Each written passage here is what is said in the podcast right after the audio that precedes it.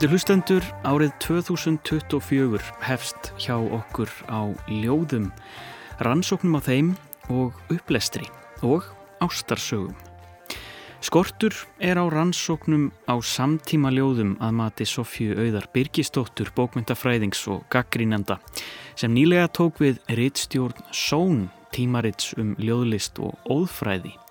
Són hefur verið gefið út af óðfræði félaginu Bóðun frá árinu 2003 eða í 20 ár og við setjum sniður með Sofíu auði hér rétt á eftir kynnumst þessu rótgróna tímariti sem samt hefur verið viss kavbátur í íslenskri ljóða lögsögu en framtíðar sín nýja rittstjórans er skýr og kallar hún eftir aukinni umfjöllun og umræðu um samtíma ljóðlist. Við munum líka brenna upp af ást í allri sinni dýrð og fjölbreytni. Eitt er það orð sem losar okkur undan öllum þunga og sársöka lífsins. Þetta orð er ást, sagði forn gríska leikskaldið Sófókles. Ástarsögu félagið er nýr hópur höfunda og áhuga fólks um ástarsögur sem hefur gefið út lítið rétt sem kallast munnbiti og geymir sögur, ljóð og prósa eftir 30 höfunda. Þar eru dregnar upp ótal byrtingamindir ástarinnar, ást á ostum, djamminu, árabátum, ást leysi og sjálfs ást, svo eitthvað sé nefnt.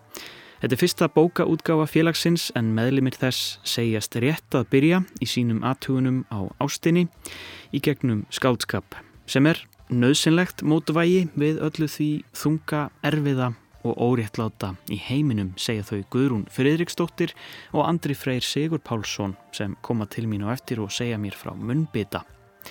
Og loks er það ekki bara ást á ljóðum heldur upplestri þeirra. Fátt fer betur í eirun en vel lesið ljóð. Arnar Jónsson, stórleikari, hefur lengi haft hann draum að gefa út ljóða plötu og nú fyrir skemstu rættist sá draumur tvöföld vínilplata Ljóðastund með Arnari kom út á dögunum þar sem hlusta má á leikaran Rattmikla lesa valin ljóð. Við hlýðum á ljóð hér undir lokin og viðtal við Arnar um plötuna. Ljóð og ást framundan hjá okkur í dag. Ég heiti Jóhannes og þetta eru bara bækur.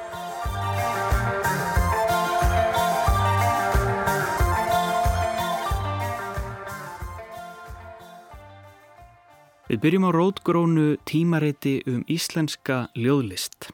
Són, tímaritt um ljóðlist og óðfræði, fagnaði í fyrra 20 ára afmæli en fyrsta heftið kom út höstið 2003. Í Són hafa byrst ritrýndar rannsóknagreinar og yfirlitsgreinar um allt sem viðkemur ljóðlistinni, skaldskaparmálum og bragfræði, ásamt ljóðum og ljóða gaggríni. Kristján Eiríksson og Þórður Helgason voru reittstjórar Sónar frá 2003 til 2012 og hafa þeir báðir skrifað mikið fyrir tímaritið síðan þá. Þeir eru líka enn að störfum, Kristján vinnur um þessar mundir að bókum sögu drangegar og Þórður sendi frá sér stórt og mikið reitt nú fyrir jólinn Alþýðu skáldin á Íslandi, saga um átök og var hann í viðtali í þessum þætti í haust um bókina. Áhuga samir hlustendur geta fundið þann þátt í spilara Rúf. En það er komið nýr reittstjóri í bæin. Sofja Auður Birgistóttir, bókmyndafræðingur, hefur tekið við reittstjórn tímaritsins Són. Hún reittstýrði 21. heftinu því allara nýjasta og hún ætlar að embeta sér að rannsóknum á samtíma ljóðlist. Nýja heftið er stút fullt af áhugaverðum greinum um skaldskap, viðtal er við stopnendur Sóns, minningarorð um Ísak Harðarsson annarsvegar og Lúís Glögg hinsvegar, auk ljóðabóka Dóma og nýra ljóða eftir Sónarskáldið en valið er Sónarskáld fyrir hverja útgáfu og það er Linda Viljámsdóttir að þessu sinni. Við skulum setjast niður með Sofíu Auði Birgistóttur, bókundafræðingi.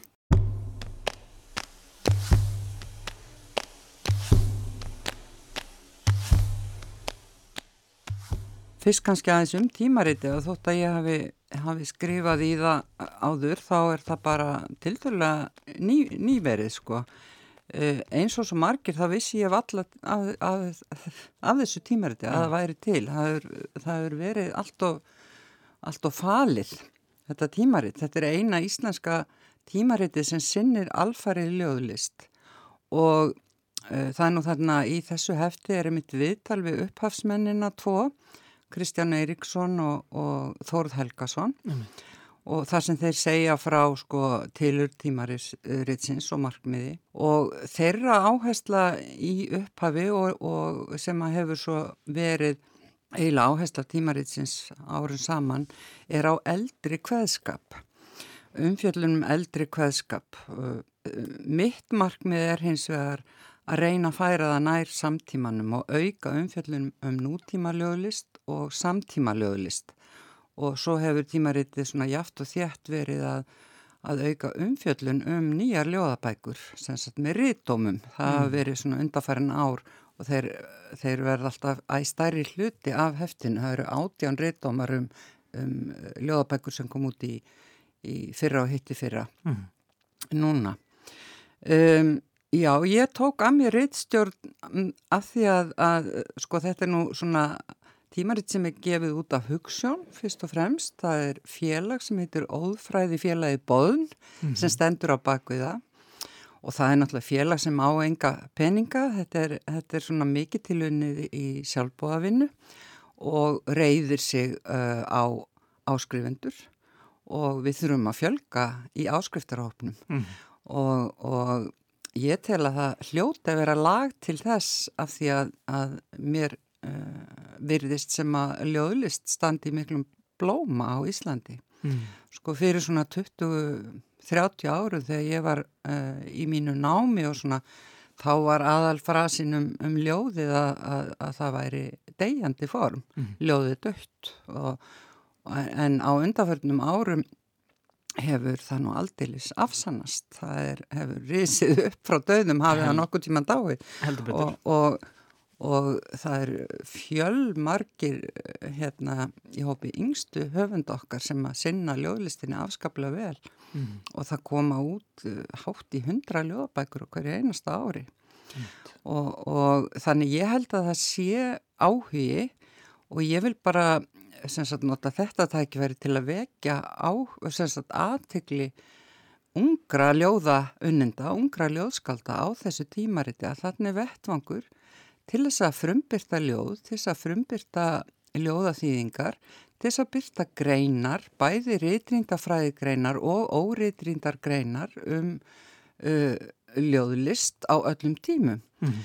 Nú í þessu nýja hefti, nýjasta hefti sem er ansið veglegt, svona stæsta hefti sem hefur komið út, að það eru þrjár reytrindagreinar og er snúa allar að, að svona eldri tíma hvaðskap. Mm. Uh, en það eru líka nokkrar óreytrindagreinar og má nefna til dæmis umfjöllunum um Louis Gluck, uh, uh, Nobelsvæluna hafa sem lest í oktober síðastleginum og það er Magnús Sigursson, eh, rittöfundur og þýðandi sem að skrifa um hanna og, og inn í hans grein eru nokkrar glænija ljóðaþýðingar á, á ljóðum eftir Lúis Glögg. Reyndar fyrir nokkrum árum byrstist einni greinum um Lúis Glögg eftir annan höfund og annan þýðanda ægir Þór Janke. Þannig að, að þarna bara í þessu tímariti eru sko komið á annartög ljóðaþýðinga á, á, á ljóðlís Glögg. Mm. Nú þarna í þessu hefti byrstist líka minningagrein Gerðis Eliassonar um Ísak Harðarsson ég búin að nefna viðtalið við um, uh, frumkvölana og í tilefni af, af því að saminuðu þjóðunar uh, tilnemdu árið 2023 sem ár frumbyggja að þá erum við með þarna nokkur, nokkra ljóðaþýðingar á frumbyggjalóðum mm. Uh, svo er alltaf fastu liður, það er skaldsónar, þar sem við liftum einhverju einu skaldi upp og byrstum, frumbyrtum nýljóð eftir viðkomandi og í þetta sinn er það Linda Viljánsdóttir sem á þarna þrjú nýljóð. Mm -hmm. Þannig að, að, að þetta er fjölbreytt uh, tímaritt og, og einstakt sinna tegundar og, og, og bara vonandi vex vegur þeirra sem vegur tímarittsins og og ég vil hvetja ljóða unnendur að gerast áskrifundur. Þetta er semst að ársritt kemur bara út einsunni á ári Akkurat. og er ekki dýrt. Nei. En aðeins meir um söguna, þetta er nú 20 ára svona útgáfu útgáfi heftið sem að, sem að þú ert hérna, já, þitt fyrsta verkefni. Um, sko, þetta er náttúrulega eins og segir, þetta er svolítið svona kafbátur í, í ljóða heiminum á, á Íslandi. Um, um, og hefur breyst töluvert. Þetta er náttúrulega fyrst þá voru, eins, eins og þú sagðir, Kristján og Þóruður svolítið meiri áherslu á sko miðaldar skaldskap og, og, og svona 19. 20. öldina. Já, já, og 16. og 17. Já, já, sko. allt saman. Já, já. En svo tekur þetta svolítið um breytingum og, og hefur verið eitthvað að, að þróast og breytast. Já, það hefur verið að gera það og einmitt að færast svona átt til samtímans að því það er kannski um, var, vil ég lefa mér að segja, svona kannski freka þröngur hópur sem hafi áhuga á þessum uh, fyrir tíðar skáldskap mm -hmm. um, og var svolítið ráðandi í fyrsta heftunum en það var virkilega þörf á því og, og annar rittstjórin þarna í byrjun, Þóruður Helgason hann var nú að gefa út bókina Alþjóðskaldin mm. núna uh, í haust sem er stórmerkilegt ritt og, og hans markmið og þeirra Kristjáns var að að hérna, auka umfjöllin einmitt um þessi vermætti sem við eigum í handritadeilt sko að óbyrtu efni eh, en ef við bara lítum til síðustu ára þá hefur alveg geysið mikið gerst í rannsóknum á, á slíku efni frá handritadeilt og mm. má það nefna Guðrúnu Ingólsdóttur sem hefur gefið tvær bækur um, um, um hérna, eh, sérstaklega hvaðið hvenna á hverju liggja ekki vonar Guðuðu Kettlingar heitir önnur bókinannar. Mm -hmm. Nú, um, Jelena, rúsnesk-íslensk fræðikonna hefur sérstaklega sendt þulum og skrifa dótt þannig að það hefur verið að koma svona doktorsitgerðir mm -hmm. út úr rannsóknum á þessum eldra, eh, eld, eldri kvæðum og ef við lítum bara á samtíma löglist þá eru ansi fáar doktorsitgerðir sem snúa að rannsóknum á samtíma eða nútíma löglist. Mm. Uh, sérstaklega íslenskri nútíma löglist. Já, þannig að það uh, þarf á einhvern veginn að rannsaka bæði samtíma nú og, og fórstíma. Já, og eiginlega finnst mér sko ef við bara, ef við horfum á akademíuna, mm. þá hefur hún kannski vanrækt svolítið nútíma löglist á undarförnum árum. Mm. Íslenska nútíma löglist. Við höfum fengið doktorsittir eins um, um uh, ljóð Emily Dickinson e, í, e, í íslenskri menningu og þýðingar á því eftir áðunenda Magnús Sigursson mm. og en, en e, okkur vantar sem sagt rannsóknir á samtíma löglist og nútíma löglist og þá er ég að tala um þú veist 20. öldina mm. þannig að, að, að þetta tímaritt sko, já, hefur það að markmiði að, að reyna að fara að beina sjónum fræðimanna líka mm. að, að þessu Ertu með eitthvað svona, eitthvað sör við því að þú veist, þetta hljóman er svo sér svolítið misræmi í, það er svona aukin, aukin útgáfa og, og það er mikið um svona ljóða eh, bara, ég ljóða áhuga.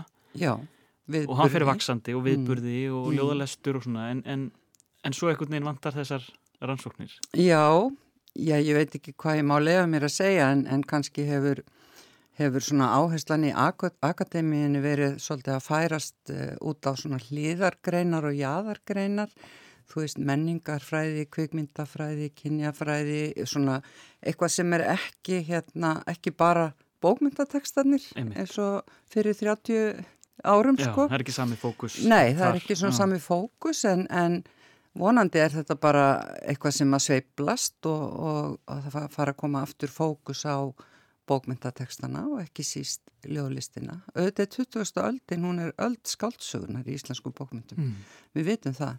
Og, og 19. öldin var öld uh, ljóðlistarinnar eða ja. kvæðana, þjóðskáldana og, og en, en ég, já, ég trúaði að, að, að ljóðið fari að, að sækja aftur á innan fræðana eins og það er að gera í, í hérna, bókmyndunum.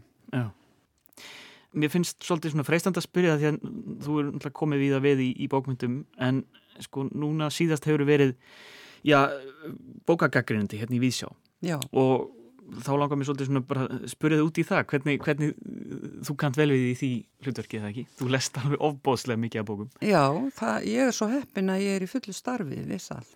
Ég er sem sagt hérna í fullu starfi sem fræðimaður stótt stað minn heitir enda vísindamaður eða, eða mætti tala um rannsóknarprofessor líka mm -hmm.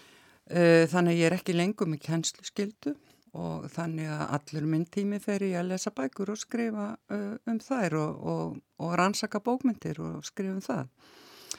Og, en bókmyndagaggrin uh, rínandi hef ég verið í 42 ár og sem sagt, og ég er eiginlega búin að setja mér það marg með að vera það í 50 ef, ef, að, ef að Guður lofar eins og maður segir. Og ég, mað, þetta er náttúrulega eitthvað sem maður lærir, ég á auðvelt með að, að skrifa um bækur og, og, og hérna, já þannig að, að ég er svona, þetta er ákveðin hliðagrein í mínu starfi sem er kannski mm. meiri, mm. uh, það sem ég er meira svona í fræðistörfum og náttúrulega hef lengi verið að rannsaka verk Þórbergs Þórðarssonar, skrifaði mína doktorsitkar um hann og núna í ár er 100 ára ammali brefst til áru mm. og við erum að gefa út uh, hátíða útgáfu með einn gangi sem ég skrifa á skýringum á, á þessari 100 ára gamlu bók og þannig að það er svona það sem ég er á kafi að gera ákvörðat núna. Hvernig svona blasir þetta við þér svona eins og bara jólabókaflóðið eh, sem margum talað um, það var ekki það var svona það var mikið ljóðabóka sala að talað um en þetta var kannski ekki alveg beint ár ljóðsins. Þetta var svolítið ár skáldsögunar. Já, já, eins og undarfærin ár hafa verið. Það, það er svona skáldsögunar sem er mest lift upp og, og vekja mesta, mestan áhuga kannski hins almenna lesanda. En mér langar að segja sko, það er oft, það hefur verið mikið talað um það undarförnum árum að það hefur verið svo mikið eh, bólka í stjörnugjöf. Mm -hmm. eh, mér langar svolítið að mótmæla því á þeim forsendum að gæðin hafa vaksið svo gríðarlega í íslenskri skaldsagnagerð ef við bara tökum hana mm. að, að mér finnst ekki skrítið þótt að marga bækur fái fjóra stjörnur og, og ég held að Einn skýringin á því sé riðlistanám Háskóla Íslands vegna þess að, að, flestir af okkar yngri höfundum sem er að gera það gott koma þaðan.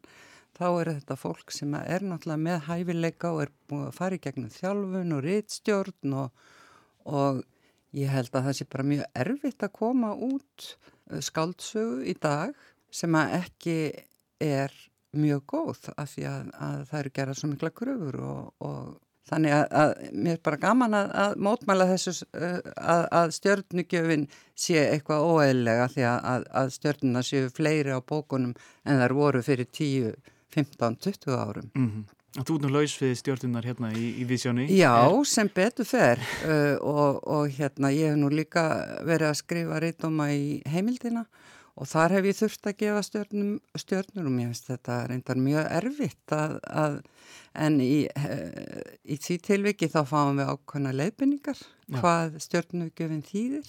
Og hérna ég gaf einu verki fimm stjörnur, það var paradísarheimt þýðingin.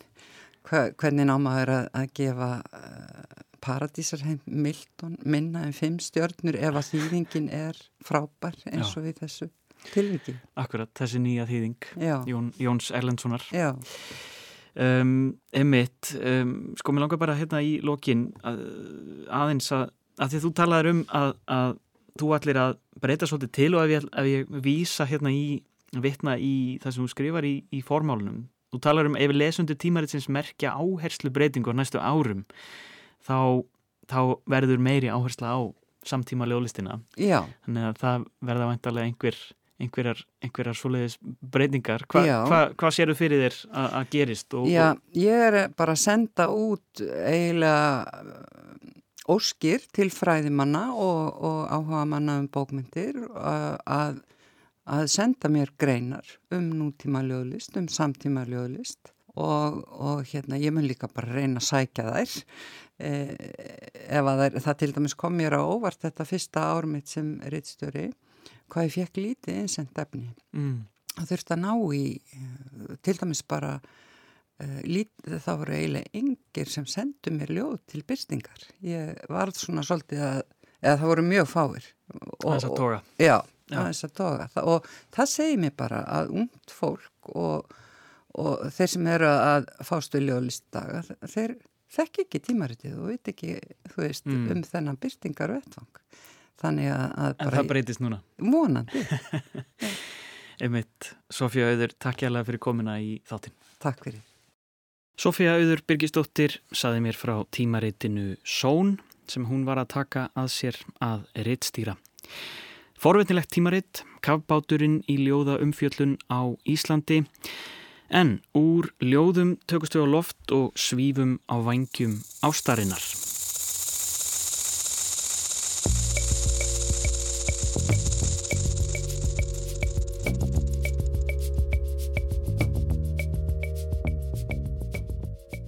Ástarsögu félagið er nýr hópur fólk sem hefur áhuga á að skrifa og lesa sögur um ástina.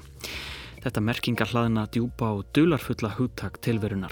Eru ástarsögur skýrt skilgreint fyrirbæri? Eru ástarsögur ekki allstaðar? Nú þegar ástarbál rauðu seríunar logar ekki lengur hlýtur að vera tómlegt í þessum djúpa dal bókmentana ástarsögum. Einhver staðar verða ástsjúkir að vera, heyrði ég sagt á skrifstofunni þegar verið var að ræða rauðu seríuna, ástarsögufélagið og nýja bók sem þetta síðast nefnda félag var að senda frá sér, Munnbiti. Þar má finna sögur, ljóð og prósa eftir 30 höfunda sem öll hafa eitthvað að segja um ástina. Guðrún Fredriksdóttir og Andri Freyr Sigur Pálsson, ástarsögu félagar og meðalhöfunda í Munnbytta, ætla að segja mér betur frá.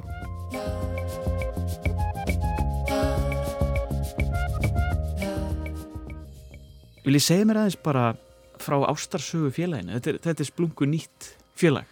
Jú, hvað er að hálsárs? Mm -hmm. Stofna 25. júni síðasta sömur og við erum kringum að verða 40 stofnfélagar og eiginlega allir með sögu í þessari bók.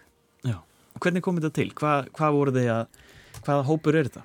Er þetta bland í póka? Já, þetta er bland í póka. Það eru margir sem eru reillistinni eða útskrifaðar nefndur úr reillistinni í bland við aðra útgefna höfunda og nema í reitlist. Þetta er, það voru þrjár sem, sem töluðum þetta, þessast Þórun Rakel og Erna og Brynjasif. Þær voru að tala um svona félagskap líka þegar reitlistanámið er búið þá svo eitthvað sem að getur tekið við og það vantar ástasögur í Íslandi. Það vantar ástasögur. Já. Segð mér þess bara frá ykkar sögum og, og, og ykkar já, áhuga á ástarsögum. Er, það, er, hann, er hann djúpur eða er þetta bara svona, var þetta bara svona skemmtileg tilrönd?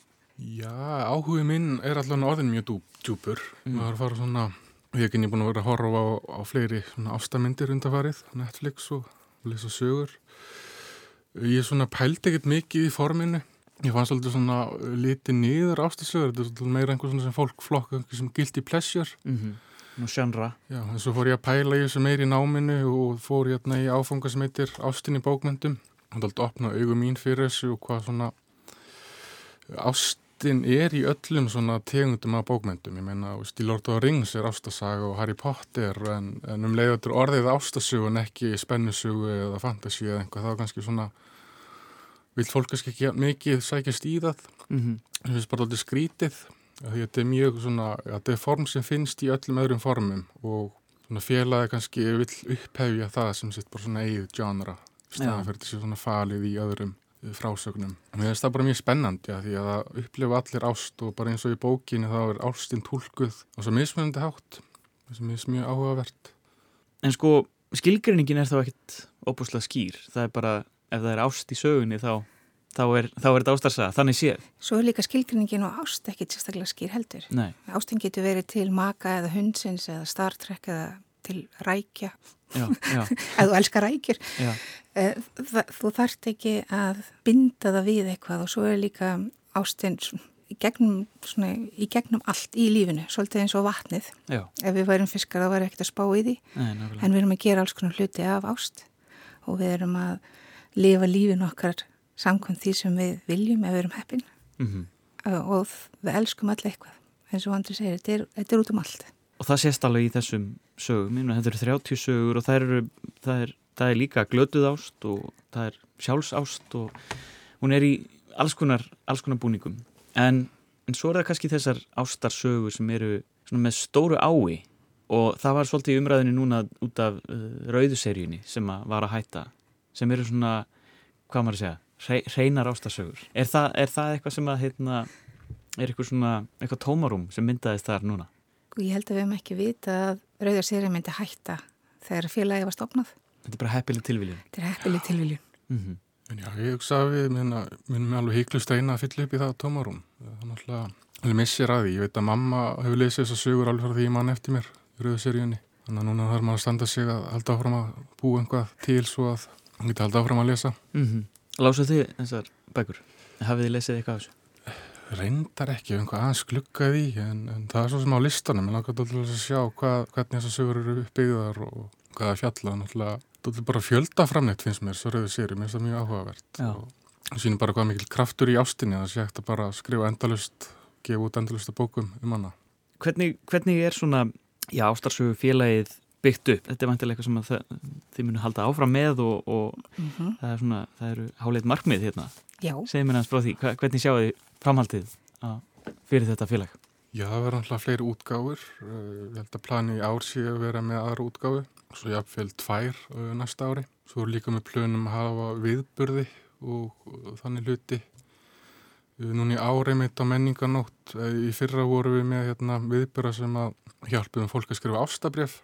Fólk að annarkur komið lokkar og fengi leifinningur um að skrifa ástabref eða það fengi okkur til að skrifa það og það sló alveg í gegn. Ég er enda á að reykast fólk sem var þarna og mann eftir okkur og, og mér. Þannig að greinlega veist, skildi mikið eftir sig. Þannig að við erum að pæli að gera einhvað slíkt aftur. Mm. Ég hef kannski einhvað starra eða einhvað öðruvísi. Þannig að svona, það er margt í, í pípunum. Mm -hmm. svo er það líka út af því að þetta er hópur, tæpla 40 manns. Þá erum við, og það er rosalega orka í þessum hóp, við viljum endilega gera sem flest, þannig að við, erum líka, við viljum endilega heyra hvað fólk vil lesa, hvað vil fólk, hvers konar sögur vilja þau lesa frá ástasögufélaginu. Eru þau með hugmyndað efni eða eru þau með hugmyndað þema, e, myndu þau vilja stittri sögur, lengri sögur, alls konar? Mm. Og eins og Andri segir, vera með svona viðbyrði þar sem við hefjum ástina upp vegna þess að ef að almennt, ef við skoðum fórsvíðblaðan eða hlustum á fréttir, þá er þetta frekar neikvæða fréttir. Þannig að við þurfum að einbytta okkur að því að finna jafnvægi á móti og ástafsögufélagi er alveg kjöri til þess sko. Já. Er erfitt að skrifa ástasögur svona á, á já, tímum þar sem að er mest talað um stríð og hamfarir og lofslagsbreytingar? Ég held að það sé algjörlega nöðsilegt. Ég held að ef við erum alltaf í myrkrinu að þá þurfum við að leggja okkur fram um að finna ljósið Mm. og þá er ástasögur alveg fullkomið í það eins og myndbytti. Myndbytti er líka svona, af þetta eru stittarsögur að það var hægt að lesa bara eina og fara svo út í daginn Já. og hann er svona, þessi bóki er eins og fyrsta skotið svo búist við við því að ástasögufélagið verði svona risastórir episkur rómans. Já. Þetta verði risastórt í framtíðinni. Já, Já. spennandi. Það kveiknur eh, einhverjir svona ástarneistar hérna hjá hlustendum vonandi sem þurfa uh, ástarsögur og, og uh, það getur bara fylgst með ykkur á samfélagsmiðlum Já. dæmis. Og koma hugmyndir eins og bókin sínir það er svo margar mismunandi útgafur af ástinni til Já. og við erum stort félag en við viljum endilega fá fleiri sjónarhörn. Takk kærlega fyrir komina Guðrún og Andri Freyr.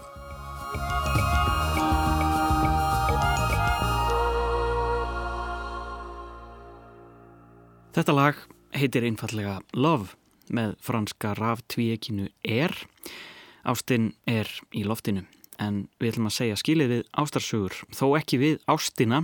Ást á ljóðum verður alls ráðandi hér í síðasta einslægi þáttarins og upplestri á ljóðum. Stórleikarin Arnar Jónsson hlaut heiðursvelun Sviðslistasambands Íslands árið 2023 á Grímunni. Af því tilefni gerði Jórun Siguradóttir útarstátt um feril Arnars og þessi galdur kallast þátturinn sem var hér á rás 1 um hátíðarnar og finna má í spilaranum. Auðvitað var heilmikið efni sem ekki rúmaðist í þeim góða þætti enda feril Arnars langur og viðburðaríkur og enn í fullu fjöri. Fyrir jólinn kom út ljóðastund með Arnari, tvöföld vínilplata sem lengi var gæluverkefni Arnars og gamall draumur að gefa út ljóðaplötu sem lítið hefur sérst til í plötuútgáfu síðustu 50 ára með einhverjum undatekningum þó til að mynda frá dimmu útgáfu. En sem sagt, ljóðalestur á hug okkar hér síðasta spölin. Við skulum gerast ljóðaflugur á vegg og heyra hvað fór þeirra á milli, Arnars og Jórunar.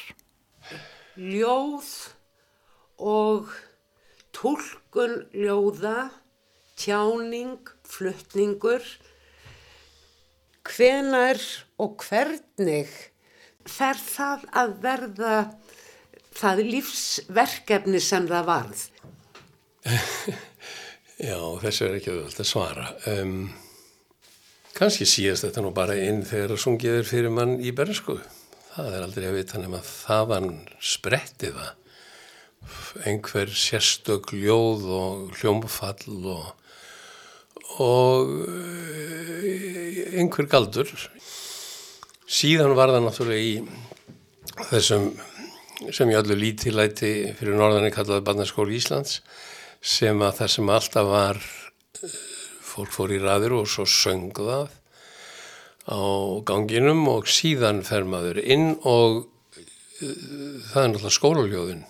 Þau voru þarna í hávegum höfð. Þannig að maður er strax þann látin læra og síðan fer maður að fálma í bækur á heimilinu og það var tölvært til á ljóðabókum. Uh, fyrir tilvílunurunni, fyrir með föðu mínum upp á sundlöginu sem ég er ekki að sex ára. Og þar heitti ég Daví Stefánsson. Og við höfum reyndar samanmælistak síðan hef ég oft verið reyndar í Davís húsi og verið þá annarkrót að flytja ljóði eða æfa eitthvað með leikfélaginu en allavega einhverstað þarna byrjar þetta. Og e, síðan er það bara mjög fljótt eftir að ég kem söður að þá er ég beðin og ég veit ekki af hverju, kannski hef ég einhvers stað verið að fýblast eða flytja ljóð óum beðin og hérna einhverju hefur heyrt til mín eða eitthvað, ég er beðin að, að fara með klukkutíma þátt um Jóhann Sigur Jónsson í útvarfinu. Ég eh, var óörugur með þetta, þannig ég fór heim til Lárusar Pálssonar sem að ég þekkti úr leikúsunum, við hafðum eitthvað verið þar að vinna saman. Þó ég væri einlega nýbyrjaður. Og bara að, að, að aðstóða mig. E, með smá kippum í andlutunum þá svona gaf hann mér tveið-þrjú ráð og svo vildi hann bara fara að tala um leikúsið og, og þessa ástrið okkar begja þetta var svona eftirmyndaginn sem ég fer svo fæ ég mat og, og þetta endist bara alla nóttina þessi, þetta samtal. Og í morgun byrtunni þá lappa ég allavegi þetta var inn á langkváldsvegi og ég lappa allavegi neyri, neyri á skólagötu og fer beintin í stúdíu og, les þetta inn. Kannski hefur þetta verið það vond að, að það var bara tekið yfir það, ég veit það ekki. Það hefur verið gaman eiga þetta. En sem sagt, þetta var eitthvað sem að sem að gafa mér uh, byrjundi báða Upptakan sem með svo miklum örlega þunga ungæðisins var undirbúin er auðvitað ekki lengur til. En minningin um hana lifir. Á nýjútkominni tvöfaldri hljómplötu með ljóðalestri Arnars Jónssonar leikara, Ljóðastund með Arnari, sem kom í verslanir nú rétt fyrir jólinn. Einn af mentorum mínum, Lárus Pálsson leikari, gaf út hljómblötu þar sem hann flutti meðal annars ljóð Jóhanns Sigurjónssonar. Og nú langar mig að kallast á við Lárus, því báður höfum við glimt við þetta uppáhald skald okkar, bæði leikrit hans og ljóð. Byggarinn Einn sitt ég yfir drikju, aftaninn vetrar langan. Ilmar af gullnu glasi, gamalla blóma angan. Gleði sem löngu er liðin, lipnar í sáluminni. Sorg sem var glimt og grafin, grætur í annað sinni. Bakvið mig býður döðin. Ber hann í hendi styrkri, heil djúpan nætur heiminn, held hann fullan af myrkri. Og allar göttur síðan hef ég eðurlega var með ljóðaþætti stundum þættir af ljóðum sem að vinuminn Daniel á Danielsson hér að slagna á Dalvík, mikil og góður þýðandi og svo áfram og áfram og við e, lát ættingja, vina móður minnar og tengdamóður og svo framvís að þá hef ég eðurlega fluttu ljóð í kirkjum. Og e, heilmikið með tónlistarfólki e, aftur og aftur og við ímistækifæri Þegar ég flutti, það var í sænsku sjónvarpi og það er sko, það kem ég út úr uh, skóðufossi og ég er bara nækinn ofan og, og, og myndavili nálgast. Og ég flytt hérna flattegir frey eftir Guðberg Bersson. Njörður, ör, jörð, er, fadir, freys, ei, laufey, en loki er minn. Og hann, hann Óskar heitinn, hérna klarinettuleikari, Ingólfsson sem var upp í útvarpið svo mikið. Sko hann hlustar og hlustar á röddina. Trétur rumbur úr sæ, og þetta er svona yfir mótaður flutningur af öllum og tekinn í guðatölu hluta virkenda. þetta eru svona hlutir sem maður hefur lengt í og eru mjög gaman að en allt snertir þetta röddina og, og það flytja texta við alls konar aðstæður Ætíð lofaður af efnis hyggjumönnum. það þarna er tungumálið kannski sko hvað dýfst og fegurst og tónarnir flestir og litirnir glæstastir sko þannig að, að ég er alltaf einhver stað með ljóðabók nálat mér Æfirðu þig? ekki sko margt að þessu eru náttúrulega bara uh, hlutir og ljóð sem hafa fyllt mér og verið, verið mín bara förunöytari gegn lífið ef það eru ljóð sem að ég kannast ekki mikið við eða hafa ekki snert mig á þessari vegferða þá auðvitað ger ég það þá skoða ég það mjög vel. Þetta er alltaf alltaf spurning um hvort þetta nær endilín hvort að, hvort að þau rífa þig á einhvern máta formið eða innihaldi eða hvort vekja og svo framvegis. Ljóðskáld sem standa þér nærri en önnur eftirlætist ljóðskáld sem þú sækir meira í? Þau eru bara svo mörg og það er alltaf að bætast við sko. Vegna þess að ennþá er, er verið að yrkja ljóð og það eru frábær ljóðskald allt í kringum okkur. Það er svo gleðilegt það. og kemur nú óvart og, og, og, hérna og örvar. Og bara, mér finnst bara svo nöðsilegt að einhvern veginn að maður mögulega getur að útbreyða þetta fagnaðir erindi ljósins Ljóðaborkar gerðar kristnýjar hafa hver af öðrum vakið að dáin, en hún á fleira í sínu pokahorni. Kleinur Dægin sem amma mín frétti að yngsta dótturinn hefði stitt sér aldur með lofafill af livjum, tók hún til við að steikja kleinur. Laungu síðar þegar amma var orðin háöldruð og utan við sig var henni sagt að sonur hennar væri látin og hún spurði er búið að segja mammans það? Henni varð hugsað til konunar sem stekti kleinutnar hér um árið og óskaði þess þá af öllu hjarta að vera einhver önnur.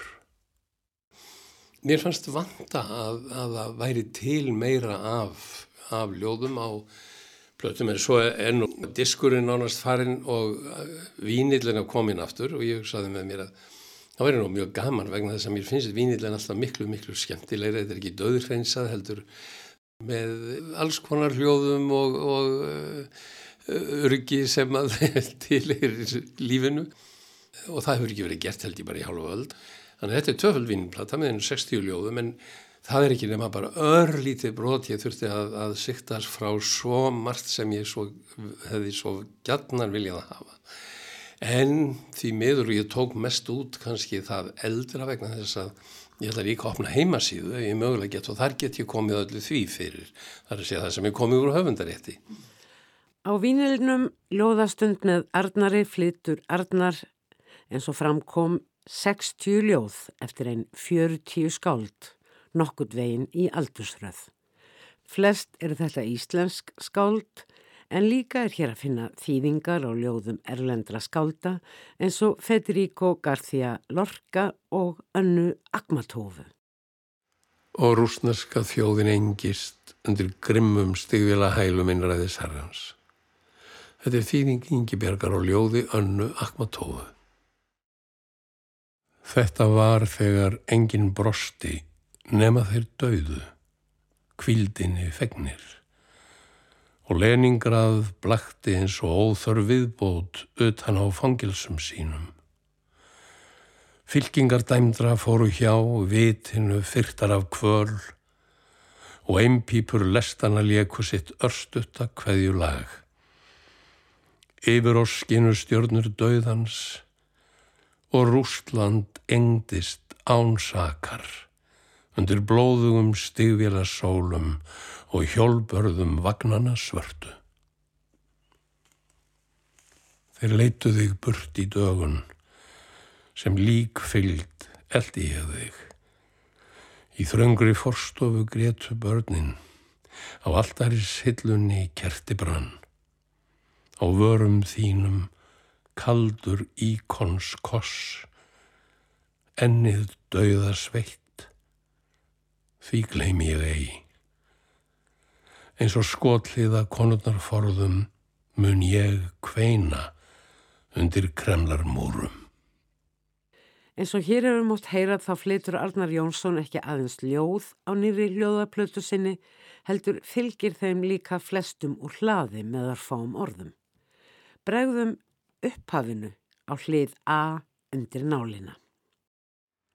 Ljóðin náður snemma til mín. Hafa eiginlega verið mitt andlega fóður. Nú vona ég að tælandi galdur ljóðsins ná einnig til þín. Við byrjum á því að fara aftur í aldir. Til öflurar skáldkonu sem yrkir um sitt nærum hverfi fyrir norðan. Björg Einarstóttir eða Látra Björg. Fagurt er í fjörðum. Fagurt er í fjörðum. Þá frelsarinn gefur veðrið blítt. Hei er grænt í görðum grös og heilag fiskið nýtt. En þá veturinn af þeim tekur sveia, veit heg enga verri sveit um veraldar reit. Menn og dýr þá deyja. Óskabarn ógefunar og ástmögur þjóðar, listaskaldi góða Jónas Hallgrímsson, orti sérkennlegt ljóð skömmu fyrir ótímabæran döðasinn. Yfir dal, yfir sund, yfir gil, yfir grund hef ég gengið á vindléttum fótum. Ég hef leitað mér að hvar ég ætti mér stað, út um öldur og fjöll og í gjótum. En ég fann ekki neitt. Ég er orðin of seitt. Þar er allsett af lifandi og döðum. Ég er einbúi nú og ég á mér nú bú í eldinum, logandi rauðum. Þetta hefur verið mikil vekkferð og ég vil dáli til langan tíma og ég bar mjög upp við hinn og þess að ég átti orðið svona, hafi verið að lesa um leið og ég var að lesa inn fyrir Storytel eða einhverja aðra eða Gísla Helga þá laumaði ég, laumaðist til þess að lesa nokkur ljóð í leiðinni. Þannig að það var píldið til þannig. Og uh, svo ungu maður sem að, sem að hérna fekk mér til að aðstóða sig við að lesa einhverja texta. Hann tók líka upp fyrir mig og síðan hitti ég hérna, Jakob Fríman og hann saðist eiga að frenda og uh, fyrir þannig að hann segist að það er frendi minn þannig að ég býst að það sé alveg rétt hjá honum og hérna að uh, það var maður sem að, að, að Ásker heitir hann og Þorðarsson og hann var með stúdíó, lítið stúdíó og við tókum heilmikið upp þar. Þannig að þetta er svona blanda af, af einhverju sem ég hef verið að lesa inn í, já svona tvö ár, eitthvað svo leiðis og um, síðan tekur Kjartan Kjartansson þetta og setur þetta í svona í góðan og fallengar hljóðfæl. Kvöldstund með Arnari, ég er með svona pínlítið af text, svona spjalla aðeins inn á milli, bara eins og, eins og ég sé bara heima hjá einhverjum. Mér fannst það einhvern veginn hlýlegra að koma því þannig fyrir heldur en að, heldur en að bara kemi ljóðu og eftir ljóði. Ég er náttúrulega hérna í þessu vegna þess að, að, að fjölskylda mín og, og, og vinir og, og samverkamenn eh, og fólk sem hefur gefið mér góð ráð og stutt mig með ráð og dáð að það á allt gífurlega miklar þakkir og eh, það eru eiginlega bara fyrir tilverkna þeirra að þetta, þetta var það veruleika. Við steit steinar höfum lengi gengið í takt. Þegar ég tók prófin í leiklæstarskóla þjóðlikursins árið 1962 flutti ég þetta ljóð. Í draumi sérkvers manns er fallans falið. Þú ferðast gegnum dimman kynjaskó af blekkingum sem brjóst þitt hefur alið á bakvið veruleikans köldur ó. Þinn draumur býr þeim mikla mætti yfir að mynda sjálfstætt líf sem ógnar þér. Hann vex á milli þín og þessum lifir og þó er engum ljóst hvað milli ber. Gegn þinni líkams orgu og andans mætti og önduvert þinni skoðun, reynslu og trú í dimri þögn með dularföllum hætti rýströmsins bákn. Og jáfnframt mingar þú.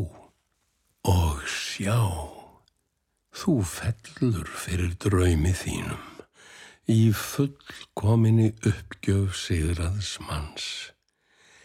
Hann likur um þig laungum armi sínum og loksins ert þú sjálfur, draumur hans.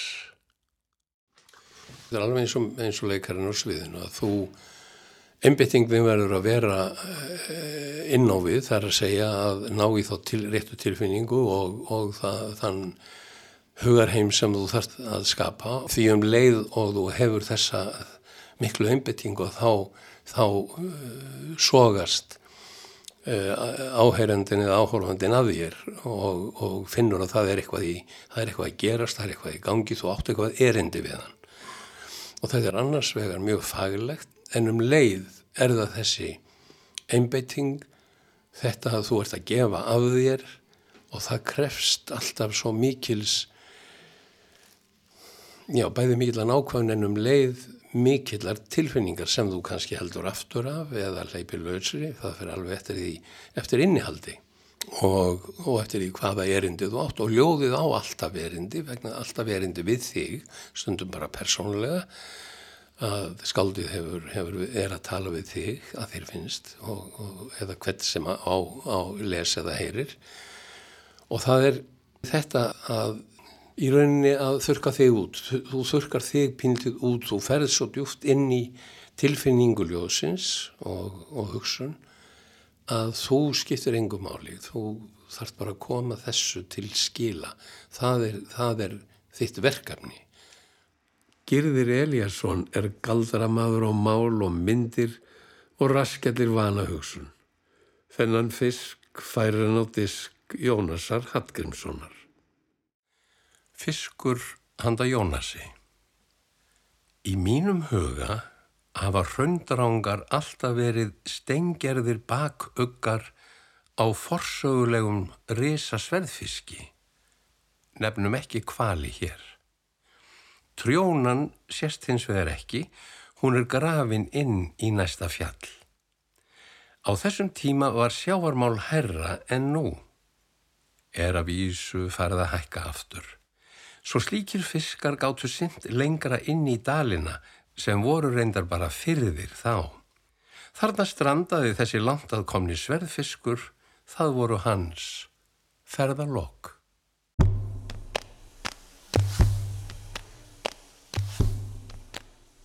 Það var Jórun Siguradóttir sem rætti við Arnar Jónsson leikara um nýja ljóðaplötu hans Ljóðastund með Arnari. En það komið að leiðalokum hjá mér í þessum fyrsta þætti bara bóka ársins 2024, ljóð, rannsóknir og þeim og ljóða upplestur í bland við ástarsögur voru efni viðurinn í dag. Við heyrumst aftur eftir viku og höldum áfram að gera upp jólabókaflóðið, kynna okkur nýjar og spennandi bókmyndir og horfa til bóka ársins sem framöndan er. Þanga til næst er hægt að hlusta á alla þættina í spilara Rúf og á hlaðvarpsveitum af öllum sortum. Ég heiti Jóhannes og reyni að deila mínum lestrarvenjum á Goodreads ef þið notið þann ágæta bóka vef. Takk fyrir að hlusta og verið í sæl.